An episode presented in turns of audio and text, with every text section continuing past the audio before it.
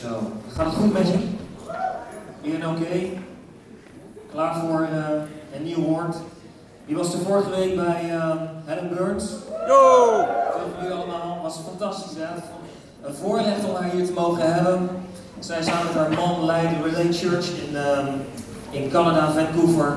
En hebben ook een, echt een bediening uh, over heel de wereld. Ze reizen heel de wereld over en met veel spreekbeurten. En ze daarom echt een voorrecht om, uh, ook voor echt hele grote kerk, daarom is het voor dat ze hier bij ons was. Daar zijn we heel dankbaar voor. Ze sprak over the power of your story. En ik ga het woord er niet over doen, maar als je het woord gemist hebt, probeer hem ergens te pakken te krijgen. Uh, een audio-opname of vraag de connectleider of iemand op de aantekening, want het was zo'n bijzonder woord. Tenminste, ik vond het bijzonder. En ook daarna had ze nog de tijd genomen om uh, onze leiders, aantal leiders van onze kerk, nog een aparte seminar te geven, een korte workshop over wat is leiderschap nou precies. En daar hebben we echt, uh, ook, ja, zijn we weer zwaar voor. Tenminste, ik vond het echt fantastisch. Dus we zijn gezegend. Maar zijn jullie klaar om verder te gaan in onze serie Three Reasons Why? Three Reasons Why. En ik kies um, inderdaad een klein beetje gepikt. Je ziet het plaatje al. Hij lijkt een beetje op um, een serie die op een bekende videoplatform uh, wordt, uh, wordt, wordt gebruikt. Het is niet zozeer dat ik je aanraad om de serie te kijken, eigenlijk helemaal niet. Maar de urgentie van die serie geeft wel aan ook de urgentie van het woord wat we met elkaar delen. En waar we in deze serie met elkaar naar kijken. En als je de serie kent, dan weet je dat het daar gaat over leven en dood. Dat het daar gewoon gaat echt over leven en dood. En ik geloof dat we als kerk ook een, een functie hebben in het leven van andere mensen en in jouw leven, in mijn leven, van leven en dood. En het gaat niet alleen over gered zijn, naar de hemel gaan, maar het gaat ook over hoe heeft God jou bedoeld op deze aarde. En wat kunnen wij als kerk. Goedemorgen, Lin. Sorry, die was zo hard, die moest. Sorry. Dit is een uitgebreide gele hier zo.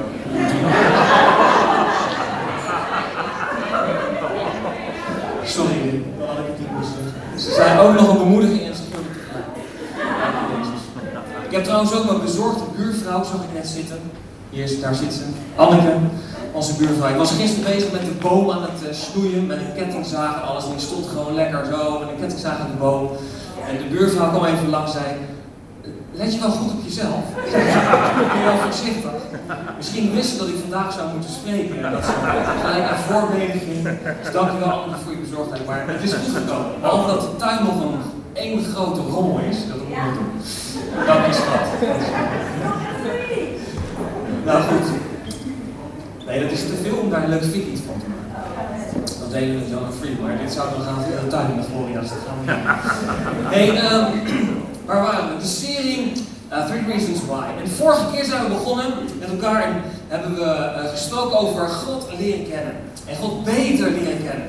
En uh, ik denk dat dat een ontzettend belangrijke functie is voor ons als kerk. Andere mensen te helpen. En sterker nog, je ziet hier eigenlijk al staan. God op het scherm. God vinden, vrijheid ervaren, verschil maken. Ik denk dat wij als kerk, uh, dat we geroepen zijn om mensen te helpen God te vinden.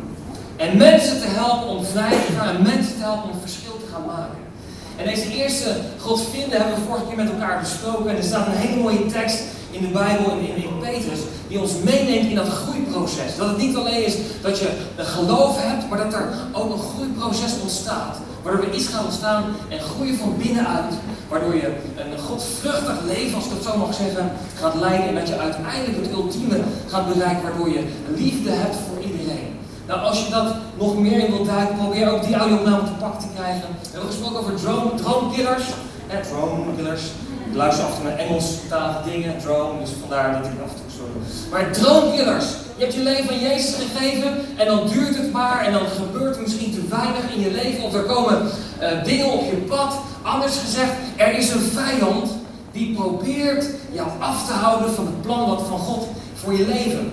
En we hebben drie drone killers genoemd. Onvervulde verwachtingen, twijfel en onveranderde omstandigheden. Ik ga ze niet opnieuw uitleggen, maar heel belangrijk om er naar te kijken en alert te zijn dat er een vijand is die probeert stil te leggen, je land te leggen voor het plan dat God voor je heeft.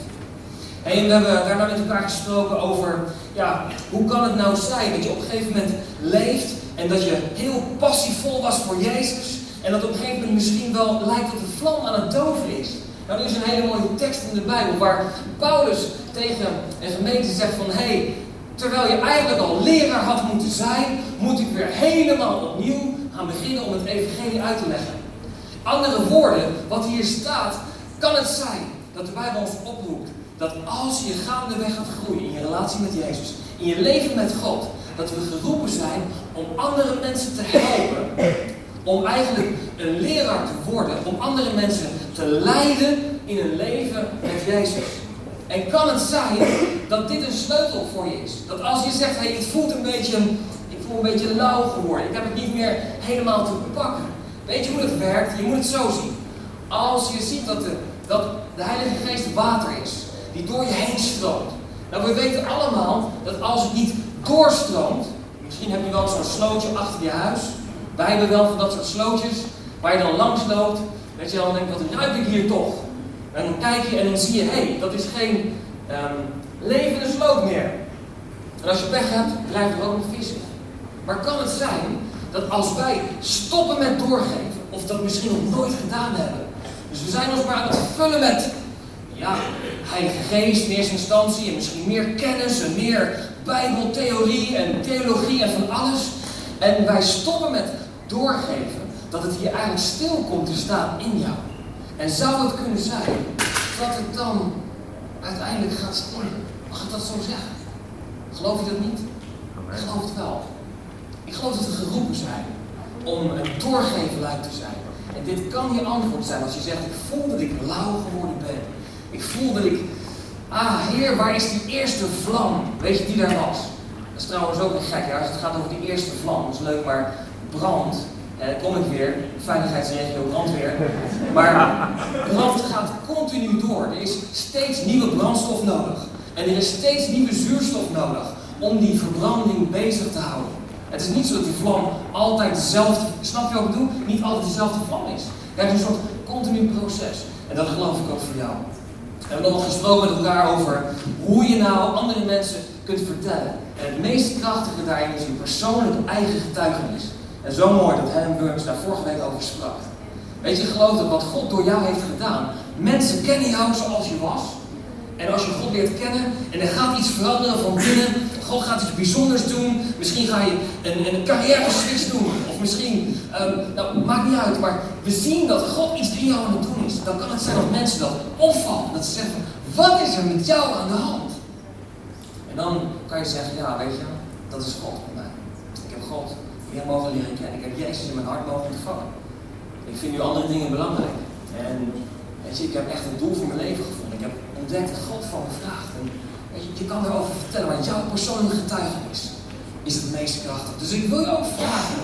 We hebben praise and prayer cards op de stoel liggen. Sla niet over als God iets bijzonders in je leven heeft gedaan. Om het op te schrijven, om het te delen met anderen. Weet je, want zo belangrijk om het andere mensen te vertellen. en vandaag ik een beetje praten over deel 2. En dat is vrijheid ervaren. Maar voordat we gaan doen, wil ik nog een gebed uitspreken. Lieve Jezus, dank u voor vandaag. En dank u Heer voor wie u bent. Heer voor de atmosfeer, voor uw aanwezigheid. En voor de kracht van de Heilige Geest. En ik bid Heer dat op dit moment, als we hier zijn, als we gaan spreken over vrijheid ervaren. En als we gaan kijken hoe u er naar kijkt. En als we gaan ontdekken wat we als kerk kunnen doen. Hoe we verschil kunnen maken in de wereld om ons heen. Ik bid, Heer, dat onze harten open zullen zijn. Heer, ik wil u vragen, Heer, dat we gewoon een stap opzij zullen zetten. En u de gang kunnen laten gaan. Heer, dat we niet in de weg staan, Heer, voor wat u wilt doen. Heer, maar dat we u de ruimte zullen geven in ons hart, in ons denken, in de gemeente. ik bid, Heer, dat u vandaag niemand uitgezonderd, Heer, bemoedigt, iedereen bemoedigt, dat we gevuld en opgebouwd naar huis mogen gaan. In Jezus' naam. Amen.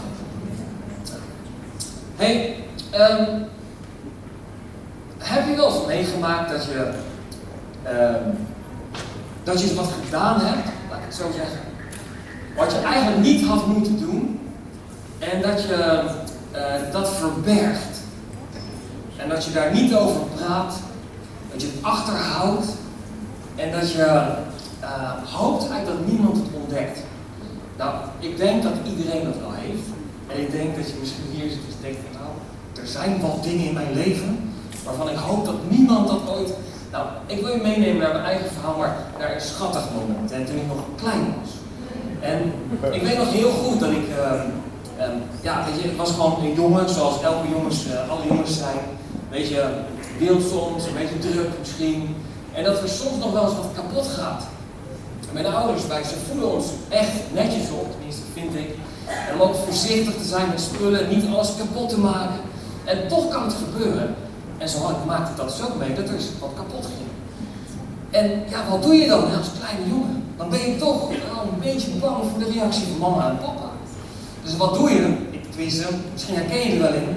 Dan neem je dat stuk speelgoed of wat het dan nou precies is. En dat verberg je dan in de kast. En dan hoop ik dat niemand daar zo achter komt. En nou, het gebeurde dat ik dat had weggestopt en dat er eigenlijk, merkte ik voor mezelf, meer van dat soort dingen gebeurde. En het is niet dat ik nu verzin ter plekke, lieve mensen, maar het is echt gebeurd. Dat er wat meer dingen gebeurden. Ik weet nog dat er een poster eigenlijk was losgekomen van de muur. Ik had daar met mijn voeten aan gezeten, weet je wel. En dan weet je, was het losgescheurd. En, ik dacht, oh jee, dat was een poster die mijn vader speciaal had meegenomen voor mij. En uh, dus ik had hem helemaal zo een beetje zo weggepropt. En weet je, achter de punaise. En een beetje, nou, dat heel voorzichtig gedaan. Nou, en er waren nog meer van dat soort dingen. Wat speelgoed kapot gegaan, andere dingetjes. En op een gegeven moment merk je dat je in je leven, het wordt zwaarder. En het wordt moeilijker om dat te blijven verbergen. Want wat gebeurt er dan?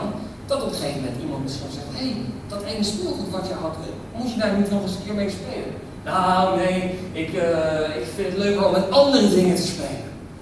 En de, kast waar het speelgoed in ligt, wat je had verborgen, je hoopt maar niet dat iemand naar die kast loopt. Sterker nog, het wordt moeilijker om het spelen, want je kan die kast niet meer opentrekken omdat het speelgoed daar ligt.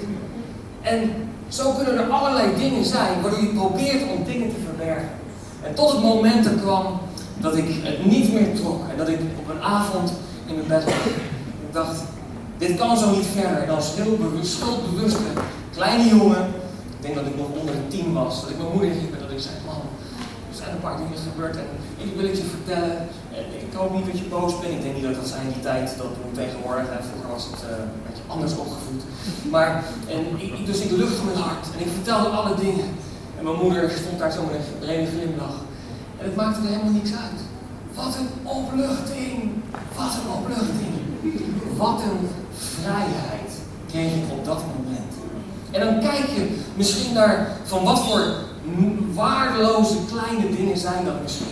Maar ik denk dat het zo tekenend is voor de wereld waar we in leven. En misschien ook wel voor jou en je buurman en de mensen om je heen, hun verhaal. We leven in een wereld waar zoveel eenzaamheid is. Waar gebrokenheid is, waar verslaving is. Waar mensen onder last leven van dingen die ze gedaan hebben. Waarvan ze hopen dat andere mensen er maar niet achter komen. Waar we onder druk leven van gewoontes of eigenschappen waar we misschien eigenlijk van af willen. En waarvan we merken dat het ons blokkeert om een stap vooruit te zetten in het leven wat God voor ons heeft. Of misschien in de carrière die je hebt. Of misschien in het gezin of in de relatie waar je bent op dit moment.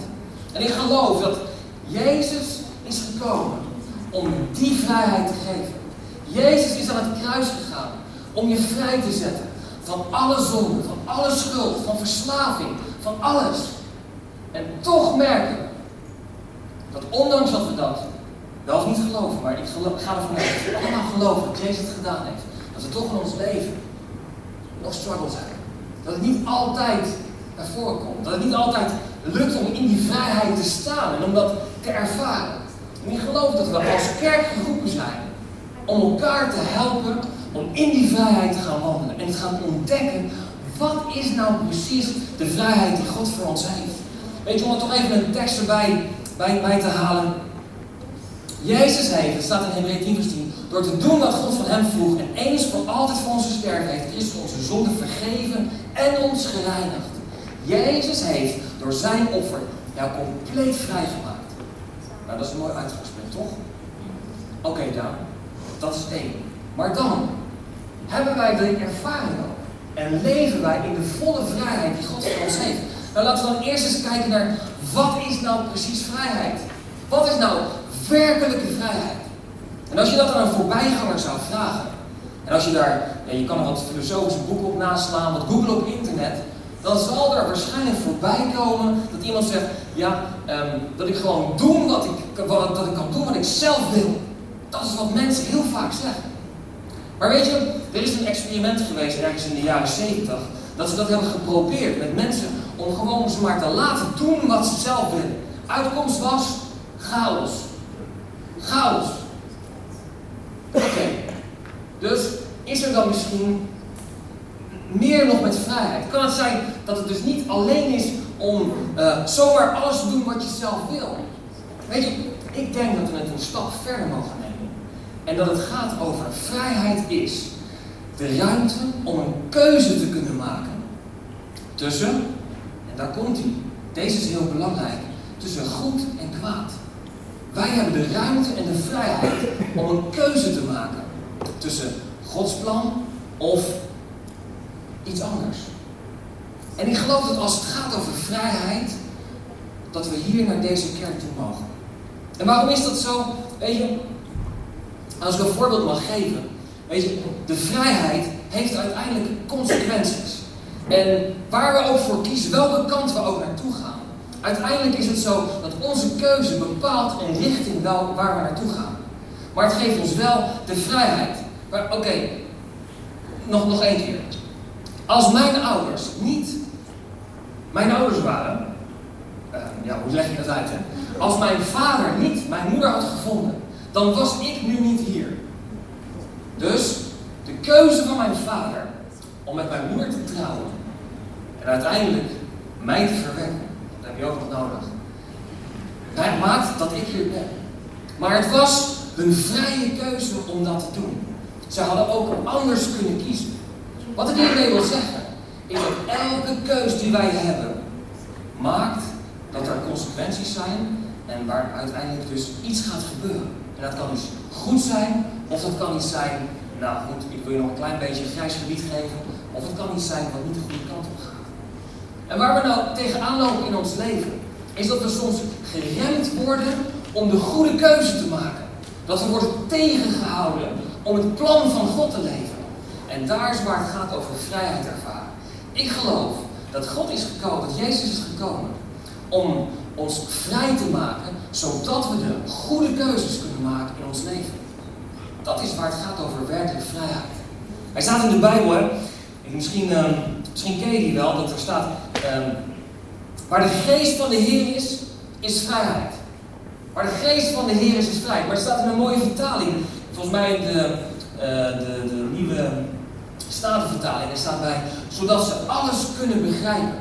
Kan het zijn dat de vrijheid van de Heilige Geest betekent dat we inzicht krijgen in het plan wat God voor ons heeft. Zodat we ruimte krijgen, dat ons denken wat misschien vertroebeld is, zodat we uh, helder krijgen waar we voor moeten kiezen. Ik geloof dat we geroepen zijn als kerk om elkaar te helpen om te gaan ontdekken wat God voor ons heeft.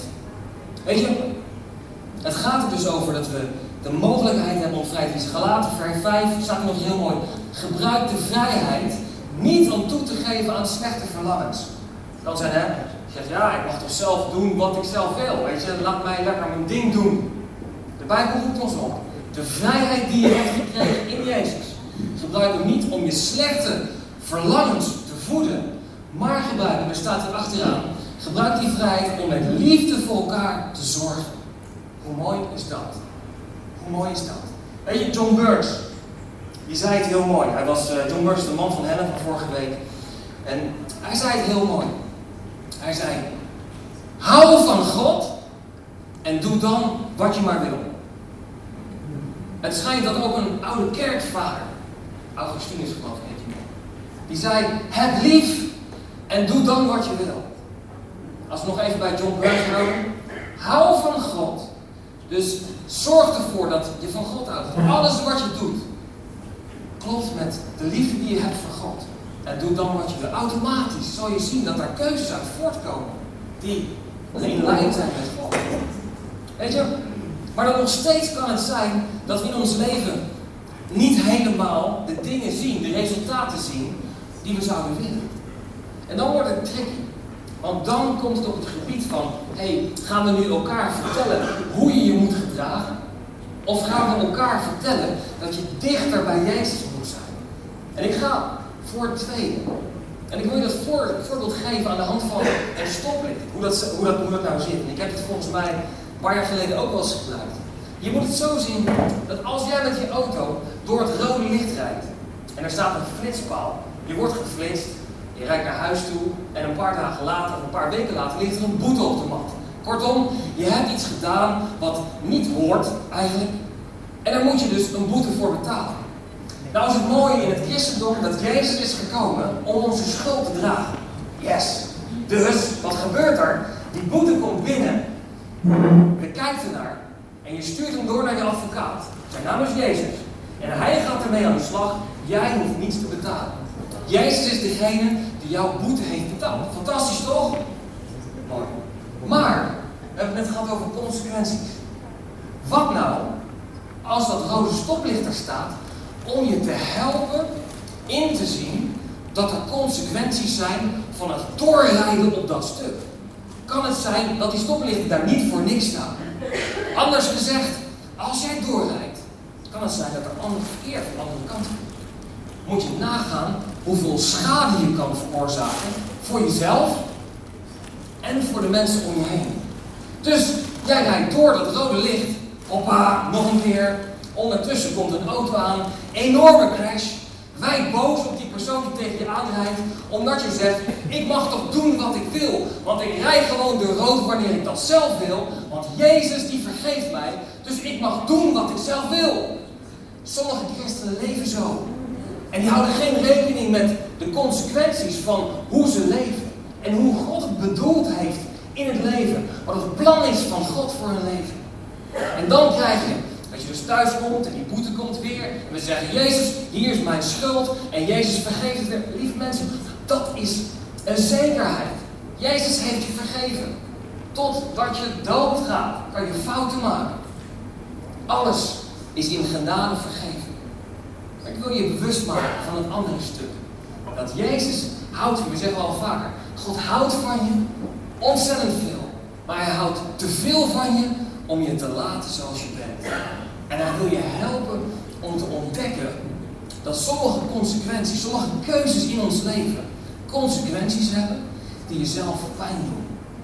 Die jezelf pijn doen. Sommige keuzes in het leven veroorzaken pijn bij andere mensen. En dit is waar het gaat over vrijheid. Wij hebben de vrijheid gekregen van God om te kiezen tussen goed en kwaad. Om te kiezen voor het plan dat God voor ons heeft. Of om een ander plan te kiezen. En Jezus is gekomen om de weg helder te maken. We lazen net in de Bijbel, de Heilige Geest is daar. Om ons denken waar we misschien een beetje diffuus is geworden. Is dit van God? Is het niet van God? Wat is Gods plan voor mijn leven? Wat is niet Gods plan voor mijn leven? De Heilige Geest is daar om je te helpen om het duidelijk te maken en scherp te krijgen, zodat we de juiste keuzes kunnen maken in het leven. Mogen we dan nooit meer een foutje maken? Nee, lieve mensen, dat, daar gaat dit niet over. We maken allemaal fouten. We zijn allemaal mensen, we zijn allemaal imperfect. We maken allemaal fouten. Ik ook. Ik hoop dat je weet dat ik ook fouten maak. En ik hoop dat je genadig met me bent, lieve mensen. Alsjeblieft, want ik kan die druk niet aan. hey, het door rood rijden hebben we gehad. Weet je, in het Oude Testament zien we dat vaker voorkomen. Dat het volk van Israël uh, volgde God en deed wat, het plan van God was. En ze leefden, ze aanbaden God en alles ging eigenlijk goed. En op een gegeven moment zakte het een klein beetje in. En toen werd het wat moeilijker, ze dwaalden van God af. En daarna kwam God weer en daarna redde hij ze weer. En dan weet je, was er weer uh, dat het een tijdje goed ging. Daarna ging het weer wat minder. Je zag eigenlijk een soort af en aan, af en aan, af en aan. Zo gebeurde dat. En we zien elke keer dat als het volk afdwaalt, dat er een leider opstond die het volk meenam omhoog in, in het plan dat God voor hen had. We zagen het al terugkomen bij Mozes in het.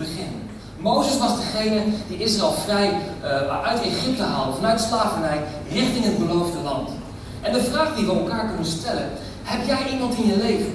Heb jij een Mozes in je leven? Dan hoeft dat niet iemand te zijn met zo'n lange baard. Maar het gaat erom, heb je iemand in je leven die naast je staat en met je is en je uh, uh, van goede raad kan voorzien, van, van wijsheid kan voorzien, als je het soms even niet meer ziet zitten. Als het over Israël, dan zagen we dat ze in slavernij zaten. En op een gegeven moment was dat een gewoonte geworden voor ze. En er was één iemand nodig, Mozes. God had hem geroepen om naar het volk toe te gaan en te zeggen: Hé jongens, dit is niet normaal. Hoe je nu leeft, slavernij is niet het plan van God. God heeft een beter plan voor je. Kom met me mee. We gaan God aanbidden en we gaan met z'n allen naar het beloofde land. Gods plan volgen, het plan dat God voor je heeft. En heb jij ook iemand in je leven? Ik geloof dat we als kerk daar zo een hele belangrijke functie in hebben. Hier on stage, als we met elkaar, als we het woord delen, als Helen Burns hier bij ons is, of andere sprekers, maar ook in de connectgroep. Of op cursussen, of op uh, weet je, courses die we ook geven. Maar ook vrienden, mensen om je heen, die je helpen om het plan van God te ontdekken. En je uit te dagen om niet stil te blijven staan, maar vooruit te gaan. En als we kijken naar het eerste punt, want ik wil vandaag twee korte punten met je delen. Alhoewel uh, de inleiding al behoorlijk lang was. Maar het eerste punt is uit Egypte, maar dan nog Egypte uit ons.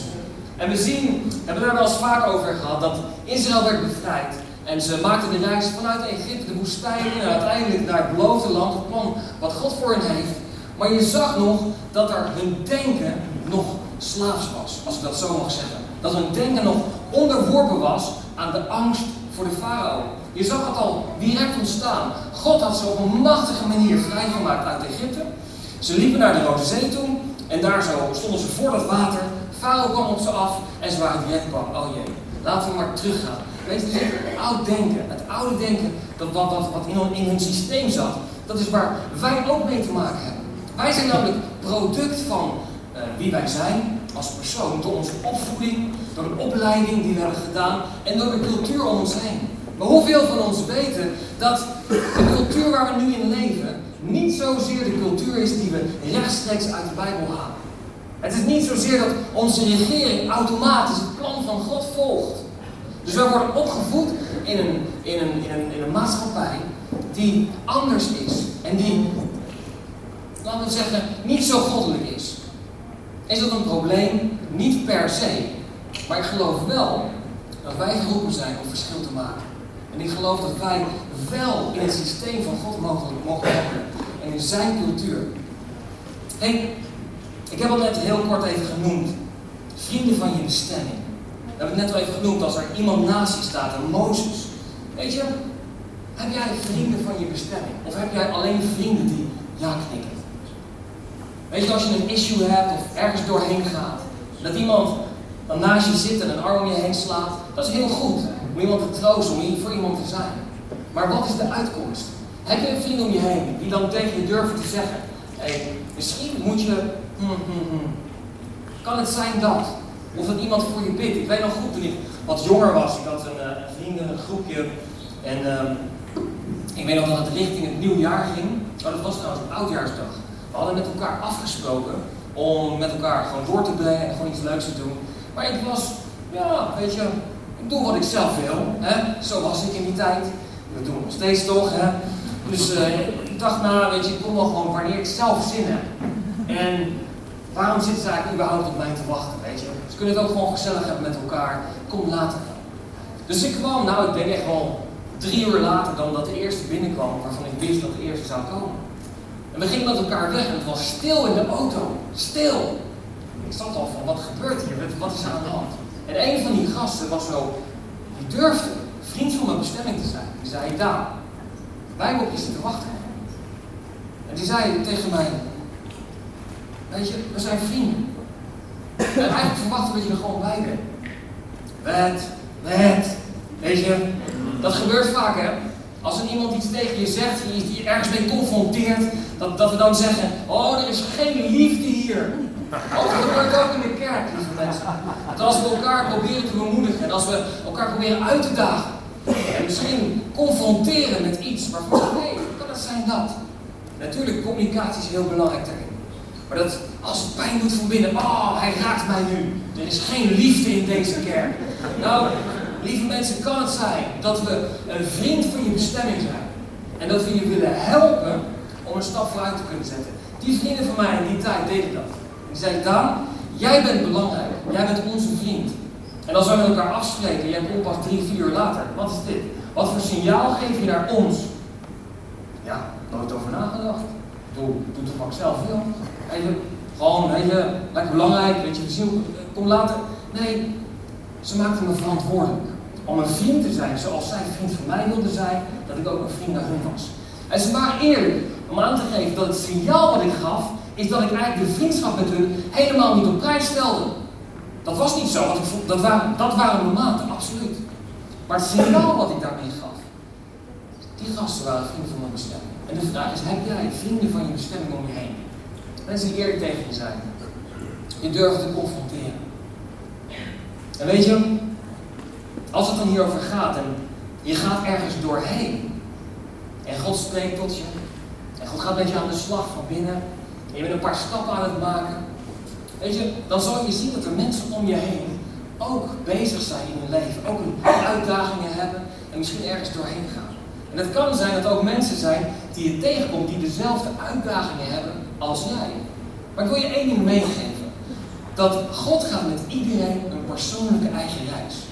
En dat betekent dat als jij je weg naar vrijheid aan het bewandelen bent, dus God gaat met jou aan de slag. En God zegt tegen jou, hé dan, de manier zoals jij communiceert met je vrienden is niet oké. Ga daar iets mee doen. Dan betekent dat niet dat automatisch iedereen om jou heen op hetzelfde moment in hetzelfde traject zit. En dat iedereen op hetzelfde moment zich aan dezelfde dingen moet houden zoals jij. Want vergeet niet, verandering komt van binnenuit door de Heilige Geest. En God gaat met je aan de slag en doet het precies op het tijdstip en op het moment dat het voor jou daar is. Wat ik hiermee bedoel is dit. Al een heel wat jaar geleden organiseerden we een skate dance party in Den Haag. Iemand in voor een skate dance party. Ja goed, dat was toen helemaal hot. Een enorme hangar hadden we.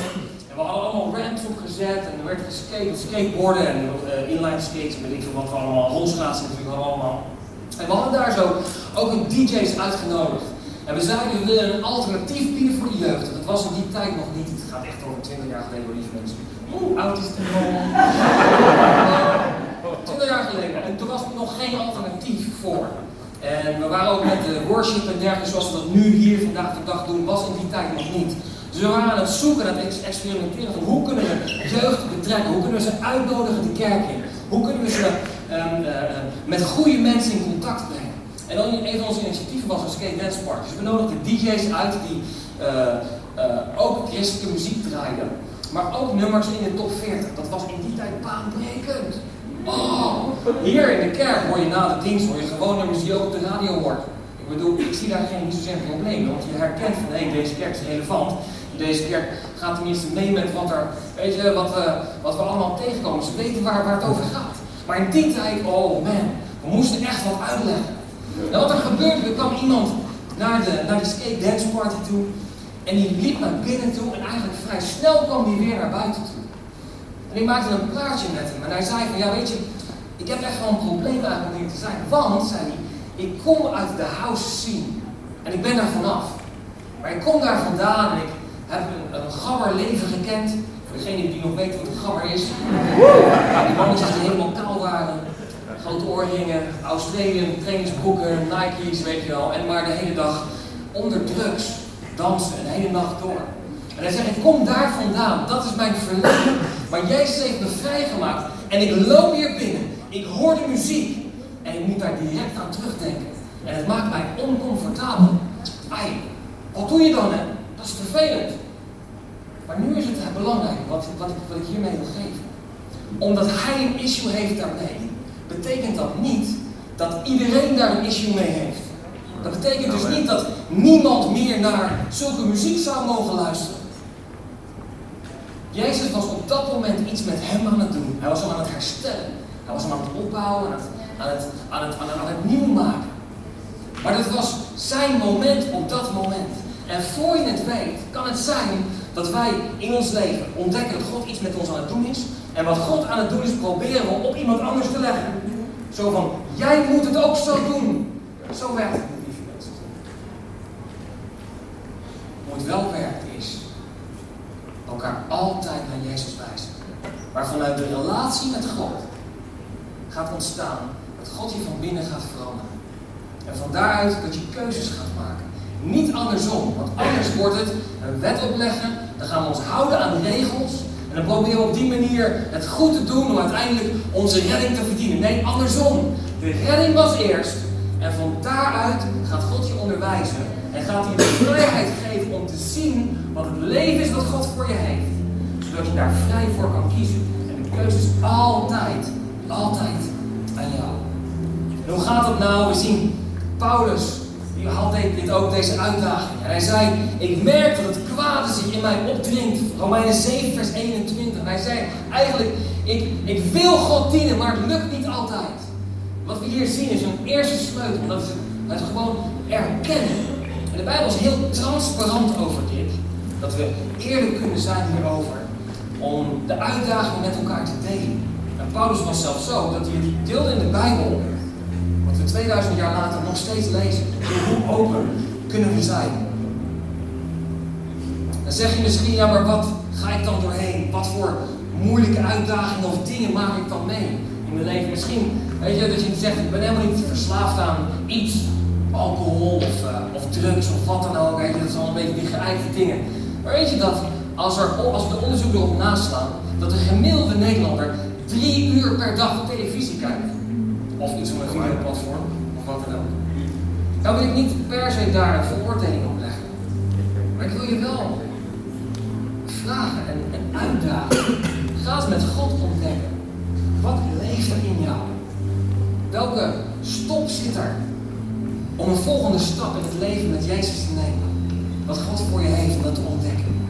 Weet je, de vijand probeert grip op je leven te krijgen.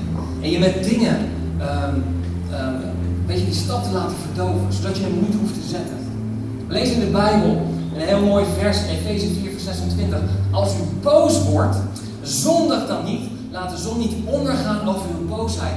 Je zou kunnen zeggen dat God eigenlijk je aanmoedigt om te zorgen dat er geen, want staat hier achteraan, laat de vijand geen grip op je krijgen, om te zorgen dat iets geen patroon in je leven gaat. En gaat hier in het bijzonder over boosheid, maar er zijn meer dingen in ons leven. Dingen waar we doorheen gaan, dingen waar we misschien een, foutje maken, dingen die we misschien niet helemaal de juiste keus maken.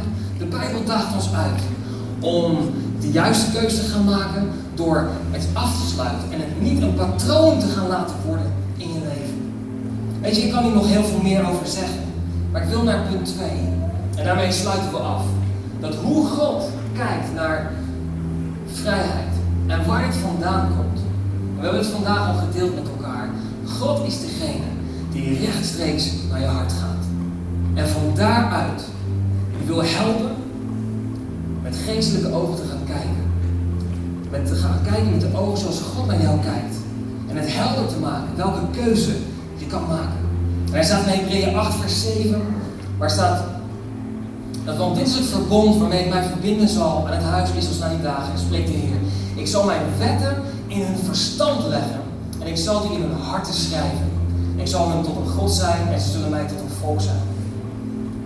En niet langer zullen zij ieder, uh, zij, ieder zijn medeburger en ieder zijn broeder leren zeggen, de ken de Heer. Weet je, dit staat dat we elkaar niet meer opleggen hoe je je moet gedragen. Hoe je het goed kan doen, zogenaamd, om uiteindelijk iets te verdienen. Nee, God zegt, in die dag, in die tijd, en die dag is nu gekomen, is dat de Heilige Geest in ons hart komt wonen. En van binnenuit ons vertelt wat we moeten doen. Welke keuzes we moeten maken. En ons geestelijk en scherp ogen. Weet je, ik wil je vragen om vast te gaan staan. En um, als we het hier zo over hebben, als het gaat over echte vrijheid, dan kan het zijn dat je hier staat, dat je hier bent, dat je zegt, ja maar ik ervaar het nog zo weinig. Ik ervaar het nog zo weinig. En ik zou willen dat ik veel meer die vrijheid ervaar. Misschien ervaar je wel gewoon de druk van dingen die je verborgen hebt gehouden. Of de druk van verslaving. Of de druk van, van wat andere mensen van je verwachten. Wat andere mensen van je vinden. Weet je, dat antwoord, jouw antwoord is Jezus toelaten in je hart. Hij is degene die door zijn offer aan het kruis je compleet vrij hebt gemaakt. En van daaruit een nieuw begin, een nieuwe start hebben in je hart, in je leven.